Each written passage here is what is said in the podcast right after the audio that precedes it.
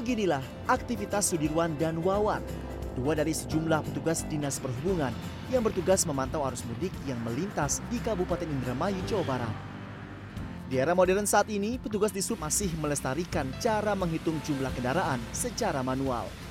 Dengan cekatan, tiap mata dan jari petugas melihat dan menghitung jumlah kendaraan yang melintas di jalur Pantura. Untuk menjaga konsentrasi, mereka bahkan tidak dianjurkan berbincang apalagi menerima telepon selama menghitung.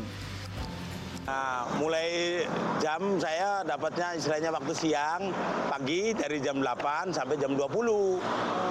Ada kesepakatan dengan anggota yang sama-sama istilahnya ya berganti satu jaman atau dua jam untuk istirahat. Harus teliti, kita ya pala pilih kalau pilih motor sama kendaraan mobil pribadi, kijang, bis, gitu ya.